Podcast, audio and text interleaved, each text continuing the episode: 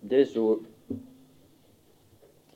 vi har nevnt tidligere, og som kunne fortsatt i denne timen kommer til å være mitt siktepunkt, det er å gi oss en viss bakgrunn, slik at vi kan forstå det som kommer seinere. Vi må få et visst inntrykk av at den Gud som er i det himmelske, han er ikke en person som mennesket kan spøke med og behandle etter godt, for godtbefinnende.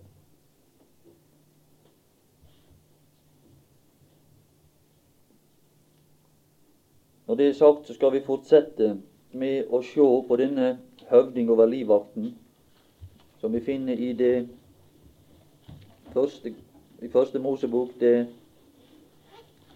40. kapittel, 39. kapittel. Og vi kan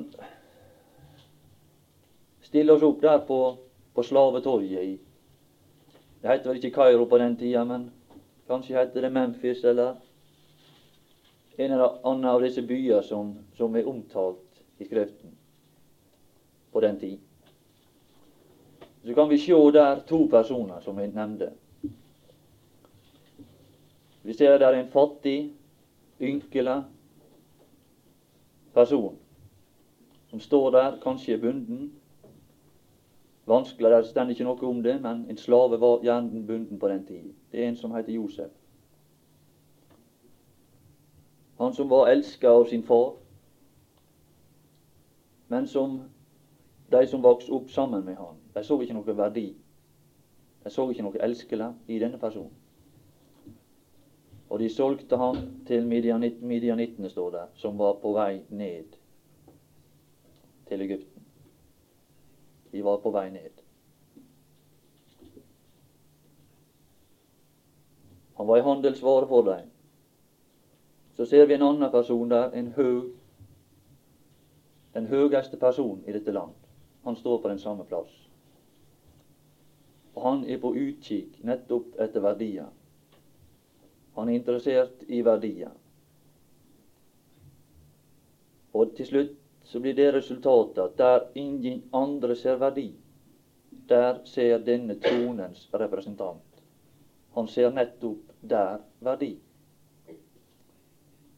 Det finner vi. Hva er han på utkikk etter? Er det penger? Verdier som kan måles i penger, antikviteter eller slikt? Er det gull han er interessert i? Nei, gull har han. Gull er han nok av. Det er et bilde på Gud. Han er nok av alt slikt, men det er nok han mangler likevel. Har han i det hele tatt behov for noe i denne personen som sitter på denne tronen?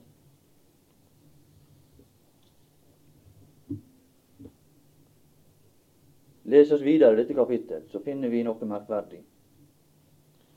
For å gjøre det kort skal vi ikke gå inn på selve kapittelet, men vi skal bare dra det sammen på den måten og si det. I dette hus der er alle ubrukelige i hans heim. Når han står på dette slavetorg og er bruk for en tjener, så ligger det dermed i, i det sagt skjult at de tjenere som han har fra før, det er ikke noe å ha. Han har ikke nok tjenere. Han har ikke én som kan tjene på det fullkomne vis. Leser vi videre dette kapittel, så har han ei kone som er, er han utro. Det er det bakgrunnen for at han står der. Alt er i uorden i dette hus. Der står han. Så ser han utover denne, dette torg. Og så er hans ønske det. Er ikke noe mer? Er ikke her en som kan gå inn i dette hus og tjene til mitt velbehag? Og dette ser vi Gud, himmelens Gud, som er sett på slekta.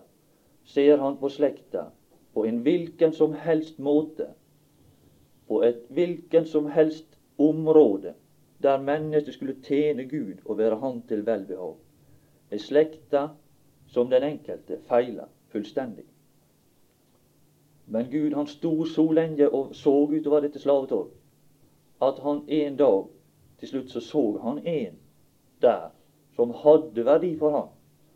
Og så står det det han kjøpte ham. Her skal jeg betale. Her legger jeg mine verdier i denne personen, den Herre Jesus. Og fra den dag er det ikke gått noen framfor Guds åsyn. Han har aldri sett etter noen til å tjene seg mer. Fordi han fant ham. Han fant denne ene som var i stand til å gjenopprette Guds ære. Som var i stand til å tjene Gud til hans velbehag. Og det var en av hensiktene med den Herre Jesu liv. Det var å gjøre det vi ikke kunne, men som vi etter Guds krav skulle og måtte.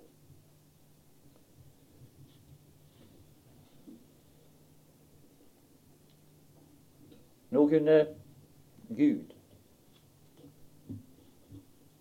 Han kunne kanskje løpe fra sitt ansvar, kunne vi si. Han kunne feie oss bort, men det er ikke lik Gud. Det som er dette, denne høvdingen over Eller høvdingen over livvaktens problem, Potifar, det er at det er hans hus. Det er hans hus det er slik med. Det er, mi, er min hustru som er slik. Og det er mine tjenere, det er mitt hus som er slik. Derfor må jeg søke om jeg kan gjenopprette noe av dette fall. Og denne skade som er skjedd i mitt hus. Så føres denne personen inn i dette hus, og huset blir totalt forandret. Totalt forandret.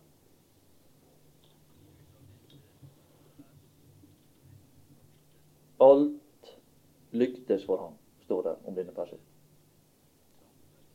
Alt gjorde han vel i dette hus.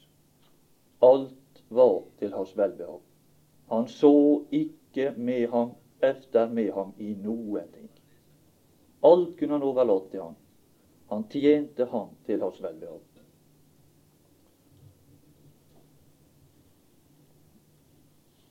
Og han fant den personen der som var ulik alle andre mennesker. Det står om Gud i en salme at Herren skuer ut over jorden for å se om det er noen rettferdig, noen som søker Gud. Og så måtte han bære Satan der ifra fallets dag og inn til Golgata for å se om det var noe. Så var det ingen. Inntil han så den ene. Til han så den ene like før Golgata, like før han reiste korset på Golgata for å gjøre ende på den slekt, så fant han denne ene. Så tjente han, og så var noe for han. Så var en stadig duft av godhet, som var en stadig tilfredsstillelse, som var den lydige tjener. Se min tjener, sier han, som jeg støtter, min utvalgte, som min sjel har velbehag i, natt og dag. Det var ikke sønnen, men det var tjeneren, min tjener, som jeg støtter.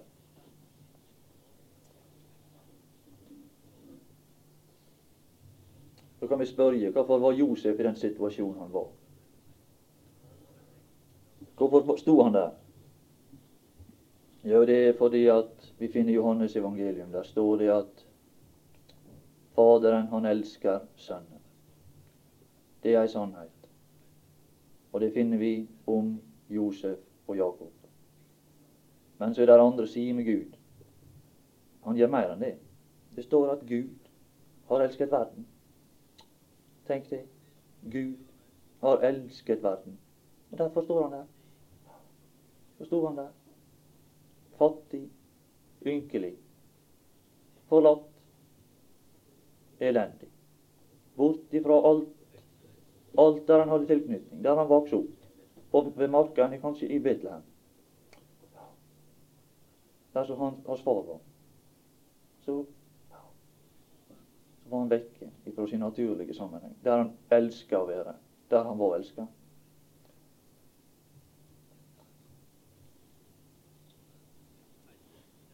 Grunnen til at han sto her, det var bare ganske enkelt fordi han sa når, når, når Jakob sa det 'Kom, jeg vil sende deg til dem', så sa han ja. Her er jeg. Ja. Det er han som kan være. Han kan bare si ja. Han kan bare si ja. Han kan ikke si nei.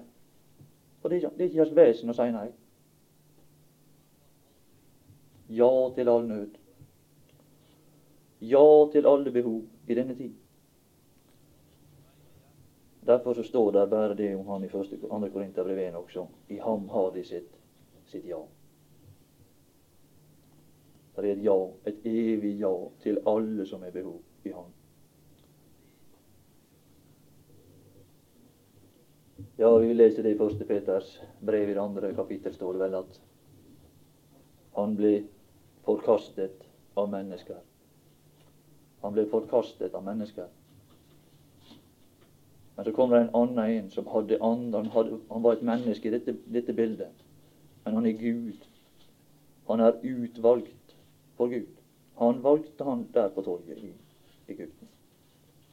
Han valgte han ut, for han så andre verdier som mennesker ikke kunne se i Josef.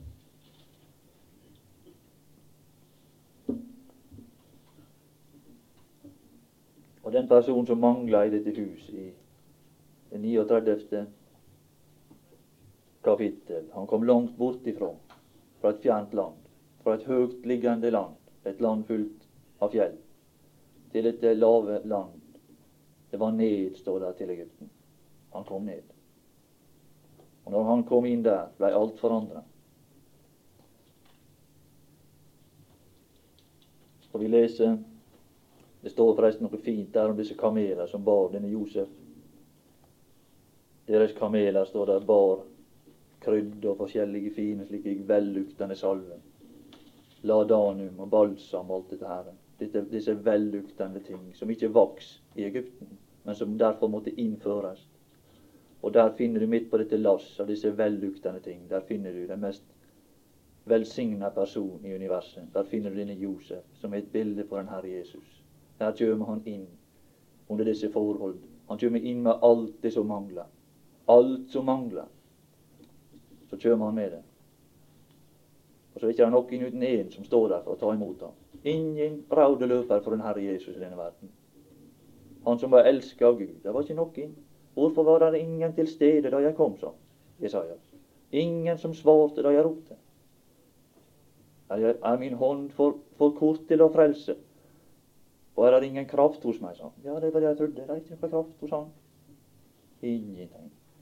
Han, han, noe, han, ville, han, ville, frelse, men det var ikke noen som ville ha han til frelse. Ikke noen som så noe stort i det.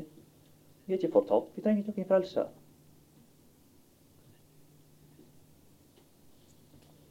Hebreabrevet 10 og vers 7.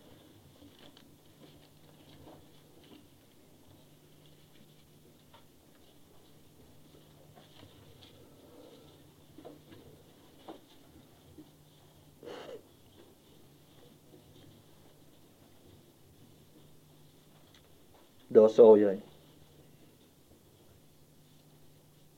Da sa jeg Se, jeg kommer, i bokrullen er det skrevet om meg. Det er måte å lese Skriftene på. La bare føye det til når oss er allikevel. I bokrullen er det skrevet. Er det skrevet historie? Ja, det er det. Men det er ikke det som er det viktigste i Skriftene. Profetier er heller ikke det viktigste. Men i bokrullen er skrevet om meg. Ser du han der? Jeg vil lagt oss på kne og bedt Gud vise oss den Herre Jesus i Skriftene. Nå kjem vi til Skriftene med, en tanke om at vi forstår noe. Kjører vi inn der og tror at det er noe i vårt hode fra før. Så skal det gå slik som det gikk med den øverste bak her. Det skal gå slik med alle sammen, som tror at de kan komme til Gud med noe av sitt eget. Nei, vi må aldri komme på den måten. Nei, vi kan komme til Gud med ei tomme hånd. Vi kan komme til Gud som den som ingenting forstår. Slik må vi være. Skal Han få gi oss noe?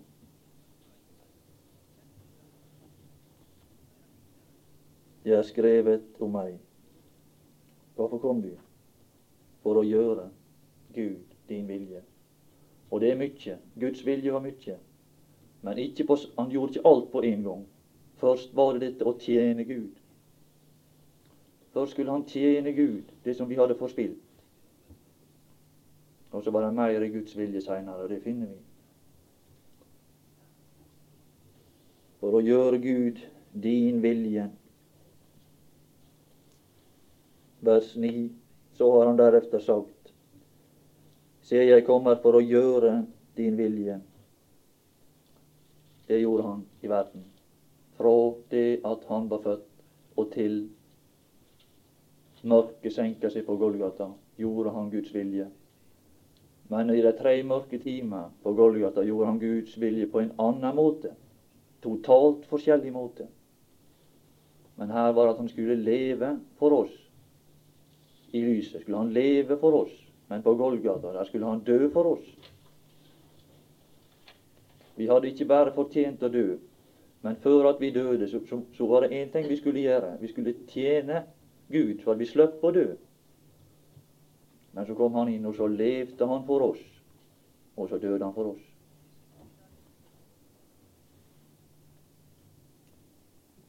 Han tar det første bort. Her kommer det neste han skulle gjøre.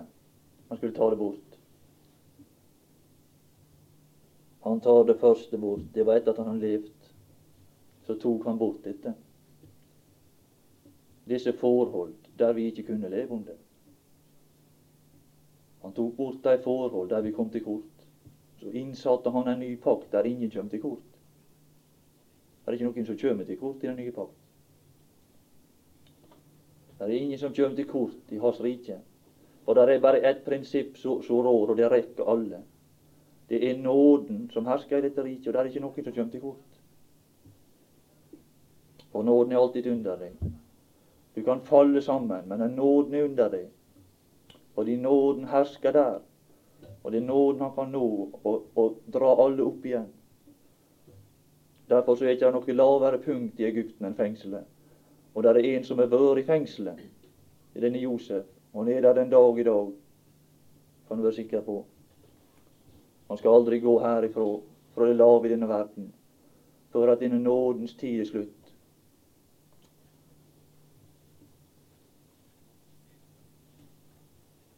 Så står det i vers 10 for å innsette det annet. Og så kommer det andre som han gjorde.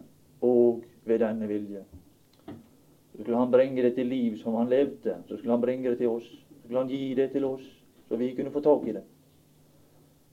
Før han døde, var det bare én som hadde glede av hans liv. Men fra de tre mørke timer av og inntil denne dag, med hver eneste en kunne gjøre seg nytte av det liv som han levde, og som vi i vår naturlige tilstand ikke kan leve.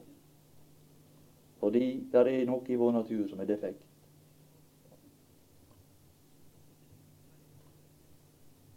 Og ved denne vilje er vi hellighet. Hans vilje hadde mange, mange siktemål. Han skulle også hellige oss når han kom her. Skille oss ut betyr å hellige. Skille ut ifra andre. ved ofringen. Han skulle også ofre seg sjøl, men først skulle han leve. Og han skulle leve til han hadde gjenoppretta det som vi hadde forspilt. Av Jesu Kristi legeme en gang for alle. Men først finner vi han i dette hus, som vi nå skal tale om. Og etterpå han var ferdig i dette hus, så finner vi han ved ofringen av Jesu Kristi legeme. Og det er dette fengsel som kommer neste punkt. Der er han i forkastelsen, i fornedrelsen. Utenfor sammenhengen i denne verden. Utenfor dette hus. Filippenserbrevet 2 og vers 7.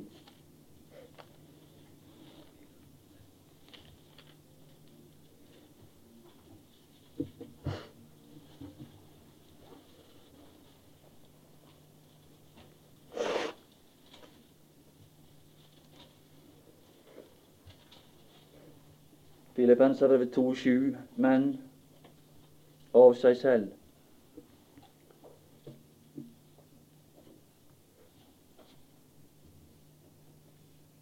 ga avkall på det. Den væreform som han hadde hos Jakob. Den væreform som han hadde når han var hjemme hos sin far. Da hadde han en sidekjortel, står det. Og den mangla han når han kom på slavetorget. Det var ikke noen sidekjortel som sto for ære og verdighet. Men her på slavetorget Vi har ikke sett noen slave som er pryda med noen sidkjortel, som var framfor det andre. Men her er en annen skikkelse. Ga avkall på det og tok en tjeners skikkelse, eller en slaves skikkelse skal der egentlig stå, på seg i det han kom. Ikke han var sendt, ja det er sannhet. At, at Jakob sendte Josef, det er sannhet. Men det er like så stor sannhet at han kom av meg selv, sier han. Han kom av seg sjøl. Der fins det ikke forskjell på Faderens vilje og på Sønnens vilje. Det går ut på etter.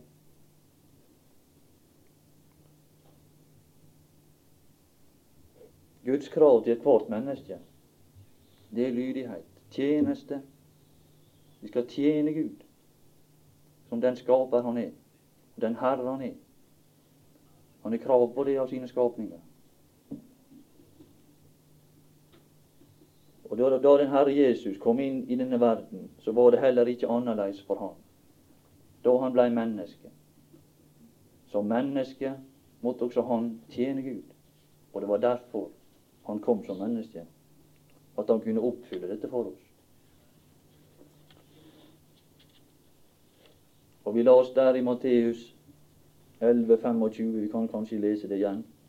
Er nokså betydningsfullt avsnitt for min del, iallfall til forståelsen av disse ting.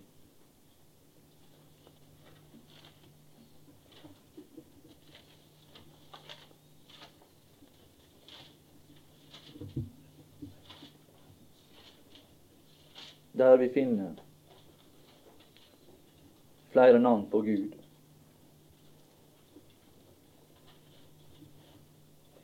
Vi finner bl.a. det i det 24. vers. Vi kan ta med det også nå. Der står det om det skal gå Sodomas land tåleligere. Så finner vi omtalt en dag. Dommens dag. Her finner vi Gud i en annen karakter. Her finner vi at Gud er også en dommer. Dommens dag.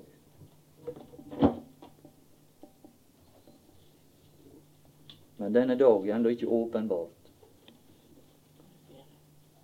Dommens dag er ikke åpenbart ennå. På den tid tok Jesus til orde og sa, Jeg priser deg, Fader. Det er yndlingsnavnet hans. Det er det navn som han setter mest pris på. Det skal vi se her. Himmelens og jordens Herre. Det, det navn tok han. Den tittel brukte han om Gud fordi at han var menneske og var her nede.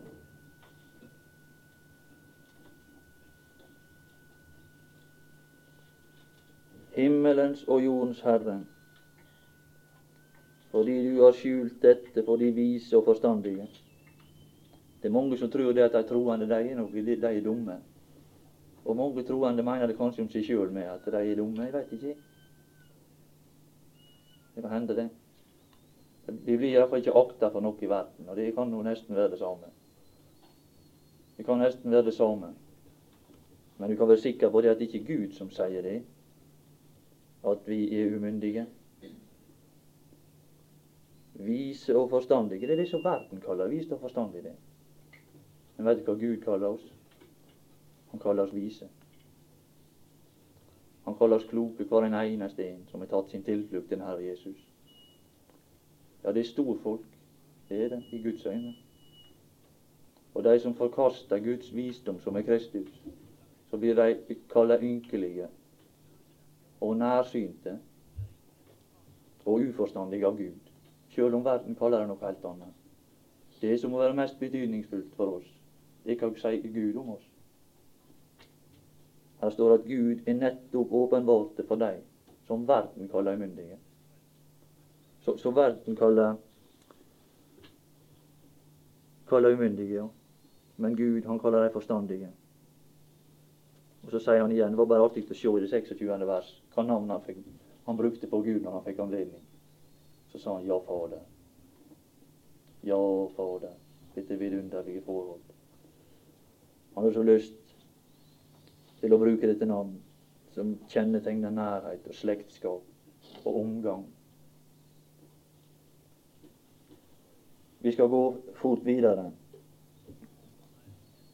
Vi skal nå ta med, tror jeg, et par-tre uttrykk som der vi får se denne høvdingen over livvakten. Der vi får se han åpenbart andre plasser, slik at vi kan se at bildet har et motstykke. Slik at vi kan finne denne høvdingen over livvakten, faraos tjener, i andre sammenhenger i Skriften. Og vi skal Ja, Arne tror jeg nevnte Jeg skal ikke slå opp det, jeg skal bare gå og forbi det, men bare nevne at det står høvdingen over Herrens hær, Josfa 5,14. Høvdingen over Herrens hær. Altså Gud er her. Og så er han en høvding over denne her. Og den var åpenbart i Josfa 5,14. Det står at Josfa løftet sine øyne. Han var stor ved Jeriko, tror jeg det her sto. En dag så fikk han, løftet han sine øyne og fikk se en mann som sto foran ham med et draget sverd i sin hånd. står der. Så sa Josfa, de hører du til oss eller til våre fiender? Han så en person der nå, og så sier han det. Nei, men jeg er herr, herre høvdingen over Herrens hær. Gud er her i sin himmel. Over den er det en høvding. Og så sendte Gud noe ut. Han skulle åpenbare seg for Josfa. For at vi skulle få se denne personen og få et glimt av at Gud har en hær i himmelen. Over denne han satt en høvding. Og det er den som er motstykket til denne høvdingen over, over faraos hær. Høvdingen over livvakten, så vidt jeg kan forstå. Vi skal se Andre Mosebok 12 også.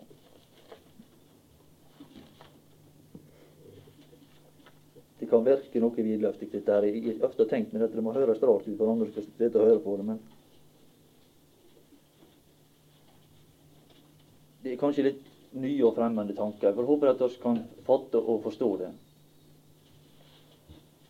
Og hvis ikke du greier å følge med, så får du heller la det være og kanskje komme tilbake med et spørsmål seinere. Må ikke være redd å spørre hvis det er noe som blir vanskelig. Det er ikke det at det er så vanskelig, men det er vel gjerne at jeg ikke greier å forklare det slik som det skulle. Andre Mosebok 12 og vers 12. Vi må være forsiktige med å skille disse forskjellige personer og navn på Gud ut ifra selve personen Gud. For Gud, Det er Gud alt det som jeg her taler om, men det er forskjellige sider ved hans vesen som virker forskjellig i forhold til den natur de mennesker har som kommer inn i Guds nærhet. Faderen, Gud, han, han er barn. Dommeren er barn. At han tar ikke med sine barn i rettssalen og så setter seg til å dømme dem. Fra livet eller til livet eller sånn hva det skulle være. Han gjør ikke det. Ikke noen som tar med seg barna i rettssalen. Nei da tar aldri med seg barna i rettssalen. Men hvis det er noen som har forbrutt seg, så kanskje at det far han har en funksjon som dommer i samfunnet. Så må han være med å dømme. Det er ikke noe kjekt. Slik er de forskjellige funksjoner. De forskjellige funksjoner, og alle disse funksjoner har Gud.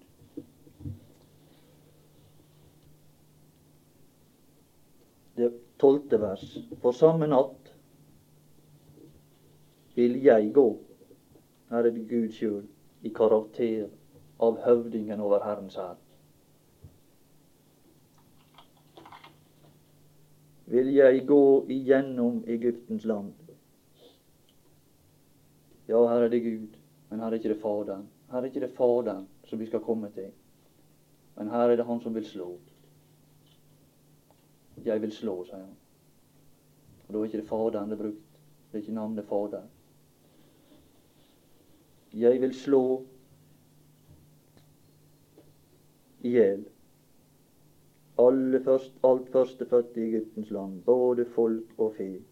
Og over alle Egyptens guder vil jeg holde dom. Her er dommeren.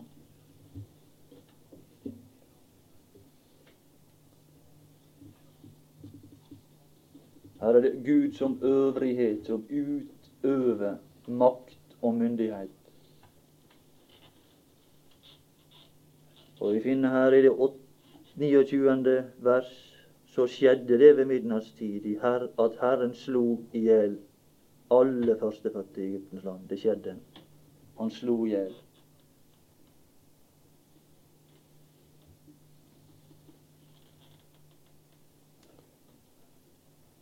Vi skal også ta med et par vers fra Nye testamentet. Dette bare for å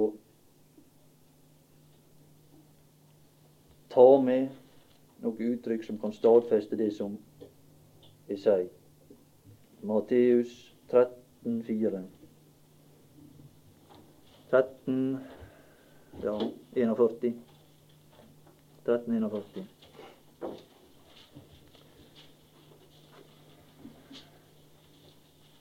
Her finner vi denne her omtalt igjen. Og Jesus talte om denne her da han sto for Pilatus. Så sa han det at tror du ikke at, at jeg i denne stund Eller han sa det til, til Peter. Tror du ikke at jeg i denne stund kunne bede min Fader? Det er et yndlingsnavn hans igjen. Og han ville sende meg mere enn ja, tolv legioner, engler, som, ville, som, skulle stride. Ikke slike engler men slike små, søte venner. Skal jeg si dere det? Det var ikke noe glansbilde. Men det var folk med sverd som skulle stride for meg. At jeg ikke skulle bli, bli overgitt. Og der ser vi hans storhet. At vi på ett vink ifra han, på et sukk ifra han, så kunne alle disse personene være feia bort Ser du denne storhet der i denne personen? Han unnlot å sukke. Han tok alt inn i sin egen person. Han tok all straff og dum sjøl. Og så unnlot han å bruke de kreftene han hadde. Det er storhet, det. Det er sann storhet. Han hersker på en annen måte. Dere stormenn bruker makt over, sa han. Her er han som ikke brukte sin makt over dem. Her er han som bruker sin makt under oss. Han gikk inn i et fengsel i Egypten. Der brukte han sin makt. Det er makt, det. Det er storhet, det. 41 var det vi skulle lese. 1441. Men det står nok i framtida, venner. Menneskesønnen skal. Han skal. Men ikke nå utsende sine engler. Her er de igjen. Her er disse engler som er svært. Og de skal sanke ut av hans rike alt som volder anstøt. Alt som volder anstøt. Men det er på et seinere tidspunkt, det er ikke nå. Nå gjelder nådens år. Men jeg vil bare forvisse den enkelte som sitter her, om at de eksisterer. Disse tingene eksisterer. Det er virkelige vesen. Og det er virkeligere vesen enn styrkene av småskidajan for disse her forskjellige. Det er langt virkeligere vesen. For når den krig og den øvrighet er slutta å fungere, så er det ei anna øvrighet som for all tid skal fungere. Og det er Guds vesen, de engler som Han har. Frykt Ham som er mektig til å frelse men ikke bare til å frelse, og til å ødelegge alle som ikke lar seg frelse, alle som ikke lar seg vinne ved godhet.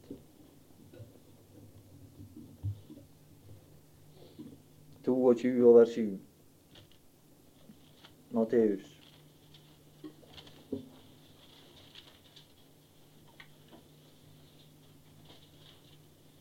To og tjuesju.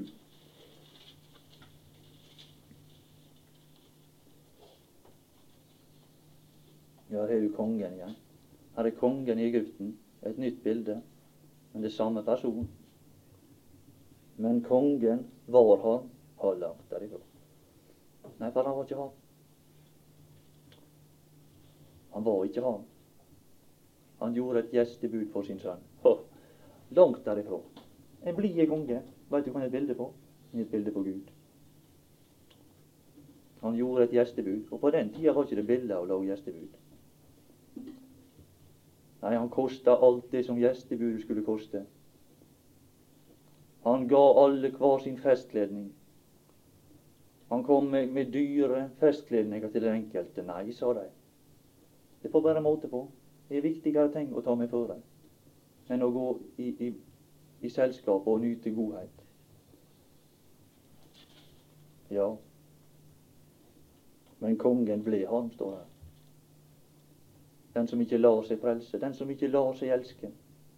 Kongen ble han på den. Og sendte sine krigshærer ut. Her er øvrigheten. Her er den side ved kongen. Han er på lur når folk ikke vil ha godhet. Når folk vil ikke vil ha sannhet, så er han krigsherre. Så kan du ta det etterpå. For det er verden får smake. Det er den, det er den side ved Guds vesen som verden løter ta imot, som ikke lar seg elske, som ikke lar seg smelte ved godhet. Og drepte disse manndraper og satte ild på deres by. Dette gjelder i bokstavelig forstand Israel. Det gjaldt Jerusalem. Men det er et bilde der vi kan være, forsik være forsikra om at disse styrker, de eksisterer ved tronen. Det er et bilde til i Daniel 2,13, men det hopper vi forbi. Det talte om en gang tidligere. Det er om Daniel. Og det som kjennetegner denne øvrighet, som, som er det himmelske, og som hver enkelt menneske, enten det er noe det ene eller det andre nasjonalitet vi tilhører, så hører vi til denne verdensnasjon som Gud er dommer og øvrighet over. Og Det som kjennetegner den, det er at det er lover satt i dette samfunn. Som øvrigheter styrer og dømme ut ifra.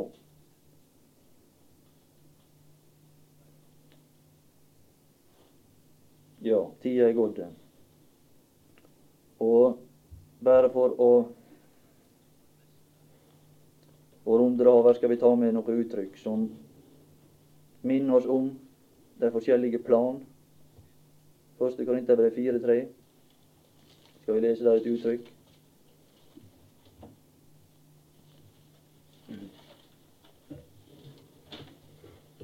Fire, tre.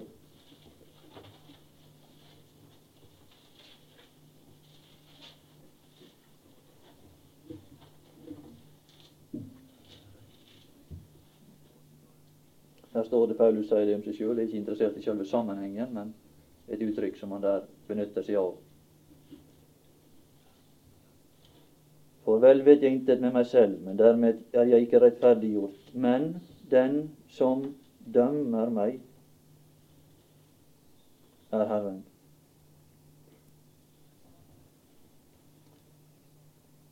Den som dømmer meg, Herren, er Herren. Der finner du Gud som dommer som bedømmer.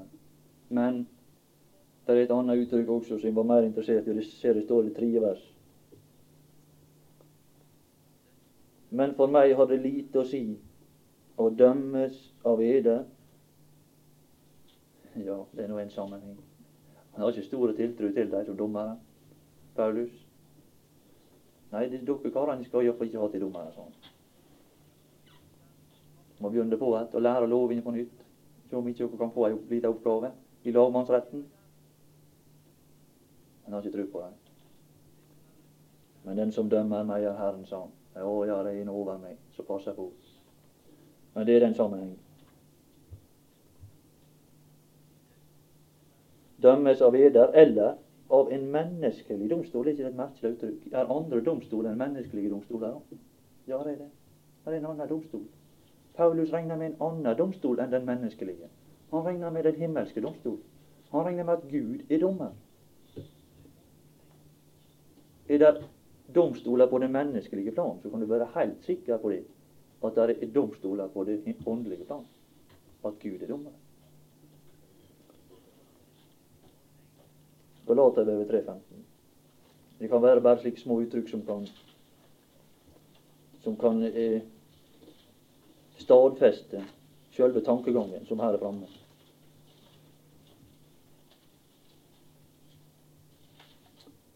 Tre.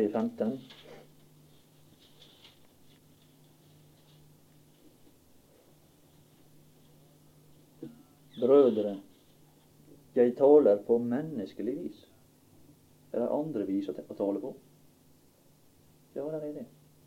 Det er et annet plan. Det er et annet plan og et annet nivå for liv enn det menneskelige. Og det er det åndelige.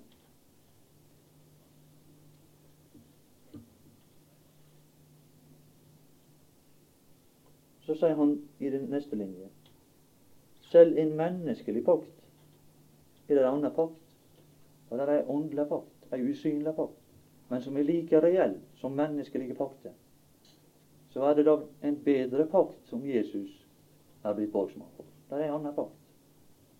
Et annet nivå for liv som han holder på å orientere oss om nå.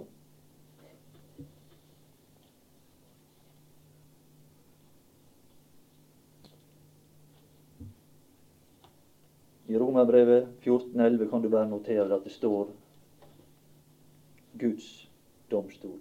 Der står det med rene ord. Romerbrevet 14,11. Vi skal alle stilles frem for Guds domstol. Det er trist, triste plass å komme. Det er en triste plass å komme. Det er ingen enda som er, er plystra fint der. Det er ingen enda som synger vise der. Og der står det vi skal stilles fram. Vi skal stilles fram for Guds domstol. Det er ingen ennå som er gått frivillig dit. Jeg råder vel alle i ungdommens dager at de dog i tide vil tenke seg om man kan ikke kalle de dager tilbake. Man kan ikke vite når Gud holder dom. Lyset blir utslukt og himmelens dør blir lukket. Herre Jesus. Dette er ditt ord, og vi forstår så lite av det. La din nåde være åpenbar. La ditt sinnelag i alle tilfeller komme fram. Dette som kan drage i mange sjeler bange. Dette som kan formå å dra vår sjel inn i din nærhet, før du holder dom, før himmelens dør blir lukket. Herre Jesus, Velsign fortsettelsen av dagen for oss. Senk din fred over sinnet, og la oss få kjenne din nærhet. Det er slik anledning, dette. Skulle ikke du unne oss den nåde å få kjenne din nærhet i denne vanskelige tid? Vi ber om dette i Jesu navn. Til ære for deg, Herre Jesus. Amen.